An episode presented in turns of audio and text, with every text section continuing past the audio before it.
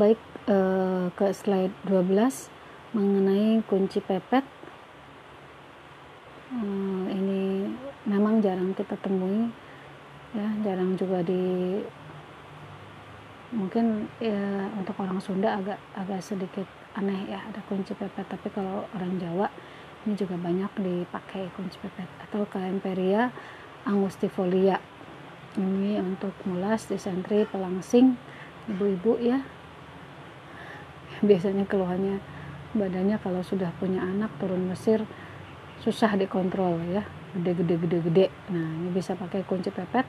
Silakan kalau tidak punya uh, ininya sulit untuk mendapatkan benihnya teman-teman bisa pergi ke apa yang jual uh, herbal-herbal di pasar. Ini juga ada kunci pepet banyak ya.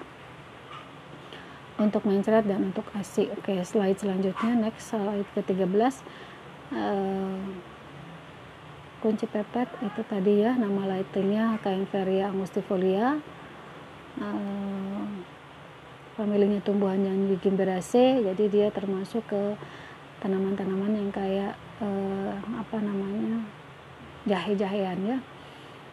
Dikenal dengan nama daerah kunci pepet atau kunci kunat. Sifat kimiawinya alkaloid, saponin, flavonoid, polyphenol, minyak asiri nih ya banyak tanaman ya khasiatnya banyak berarti ya.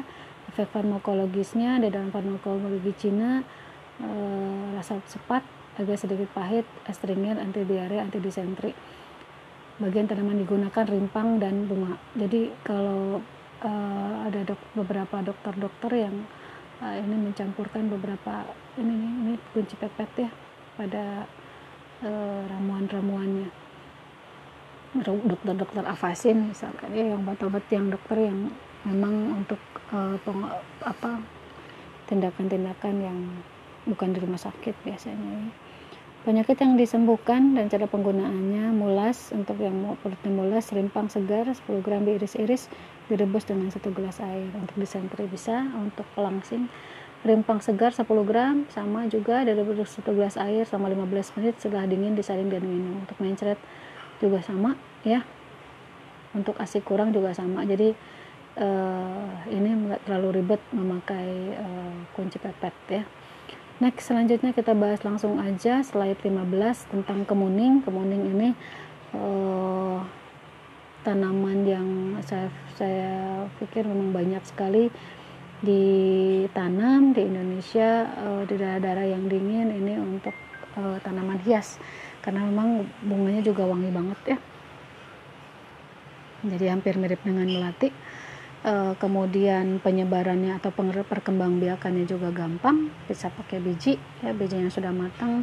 Kalau begitu aja juga tumbuh. Uh, ini uh, Nama latinnya adalah Muraya paniculata untuk menyembuhkan bisul, rematik, sakit gigi, menguruskan badan. Jadi kalau tadi kunci pepet bisa, ini juga bisa ya untuk ISK juga bisa untuk kait literatur. Next selanjutnya di slide ke-16 kita lihat ini bunga-bunganya kemuning ya. Bagus. Kemudian eh, slide ke-17 Moraya paniculata ini termasuk dalam famili eh, e, Rotaceae dikenal dengan nama daerah Jenar, Kamoneng, Tajuman, Kalajeni, Kahabar, Karizi.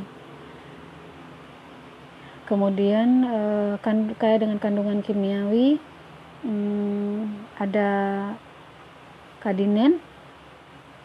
Yang terkenalnya adalah geranio kemudian eh, e, bisa bolen ada stritronelol ada ya kulitnya mengandung uh, kumarit mexotionin bunganya ada uh, scopoletin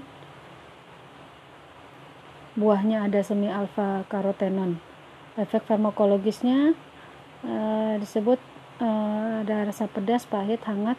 Uh, ini masuk ke dalam meridian jantung, liver dan paru-paru. Dan juga uh, penenang, anti radang, menghilangkan bengkak, ya, melancarkan peredaran darah segala macam. Slide ke-18.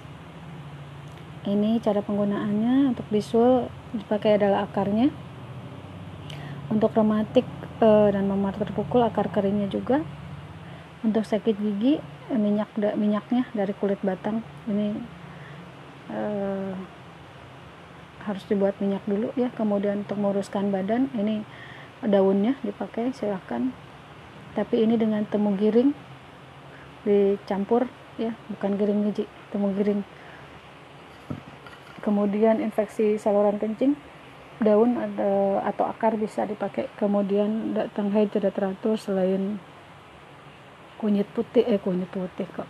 Kunyit asam silakan bisa dengan memakai daun kemuning e, atau akarnya ya. Ini perempuan ini banyak nih haid-haid yang tidak teratur bisa dipakai ya. Silahkan